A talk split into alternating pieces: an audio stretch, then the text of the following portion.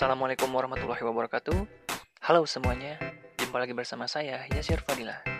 Oh ya, terima kasih banyak karena kamu udah mendengarkan podcast ini. Senang bisa ketemu kamu di sini dan saya ingin berbagi tentang tips pengembangan diri, karir, skills, atau cara yang bisa membuat kamu menjadi lebih baik. Karena saya tahu kamu punya potensi. Mari kita mulai.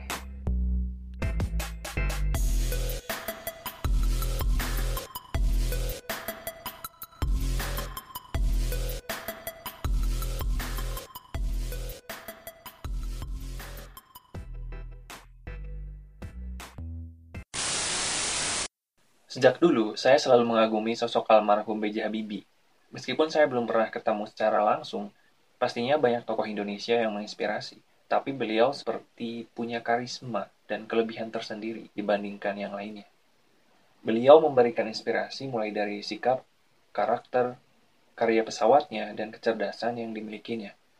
Mungkin itulah yang membuatnya unik dan menginspirasi sampai detik ini. Tiba-tiba saya penasaran dan mencari tahu tentang kecerdasan beliau. Dan menurut beberapa sumber yang saya baca, beliau memiliki IQ yang sangat besar, yaitu 200. Wow, skor IQ-nya bahkan melebihi Albert Einstein dengan IQ 160. Artinya, B.J. Habibie adalah salah satu orang jenius yang pernah ada di dunia. Dan menariknya, beliau berasal dari Indonesia banyak anak-anak muda yang bisa menjadi penerus kejeniusannya. Pertanyaannya, apakah kita bisa menjadi jenius seperti B.J. Habibie? IQ memang bisa menjadi indikator kejeniusan seseorang, tetapi IQ bukan satu-satunya penentu kejeniusan, karena kejeniusan pun bisa dimunculkan atau dikembangkan. Kita bisa mengembangkan kejeniusan dengan cara-cara tertentu, ada tiga cara yang bisa kita lakukan. Yang pertama, memicu kejeniusan. Ibarat kertas yang bikar ketika diperciki api. Kejeniusan pun bisa muncul ketika diperciki sesuatu atau dipicu oleh sesuatu. Nah, ada banyak cara yang bisa kita lakukan untuk memicunya. Misalnya seperti olahraga, membaca buku, nonton film, dan sebagainya. Itu tiga hal yang bisa kita lakukan kapan pun dengan melakukan salah satu atau ketiganya, kita akan merasa lebih baik dalam hal pengetahuan atau intelijensi. Bahkan banyak pemimpin-pemimpin hebat yang punya kebiasaan membaca buku. Yang kedua, menuangkan kejeniusan. Orang-orang jenius seperti B.J. Habibie punya sesuatu atau karya yang dihasilkan.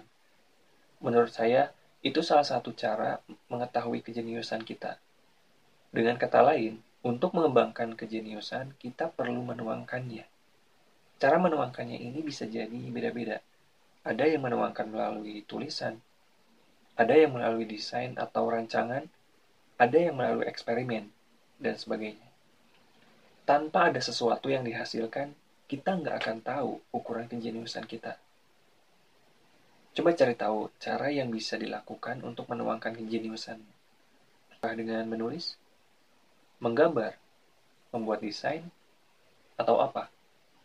Yang ketiga adalah fokus maksimal dan istirahat maksimal. Banyak orang-orang jenius yang bisa sangat fokus ketika bekerja atau membuat sesuatu. Bisa jadi kekuatan fokus itu yang membuatnya bisa menghasilkan sesuatu yang maksimal. Fokus yang maksimal bisa membawa kita pada flow state. Kondisi ketika kita benar-benar terhanyut di dalamnya. Lalu kita pun harus punya waktu istirahat yang maksimal. Ya, karena otak kita pun perlu waktu buat istirahat. Anggap aja ini adalah cara kita memanjakan otak yang dipakai seharian. Istirahat yang maksimal justru akan meningkatkan kinerja otak kita. Bahkan, orang-orang kreatif bisa punya waktu lebih banyak untuk tidur. Ketiga cara tadi bisa kita terapkan bergantian. Misalnya, kamu bisa membaca buku tentang ekonomi. Setelah itu, kamu menuliskan apa yang kamu pelajari dari buku itu menggunakan bahasa kamu sendiri. Kamu bisa memasukkan opini atau pendapat kamu tentang materinya. Lakukan itu dengan fokus yang maksimal. Dan setelah semuanya beres, kamu tinggal beristirahat dengan maksimal juga.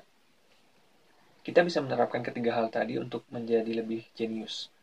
Mungkin nggak sampai sejenius Habibie, tapi minimal kita bisa tahu gimana rasanya orang yang lebih jenius. Apakah kamu mau menjadi jenius? Oke, semoga bermanfaat ya.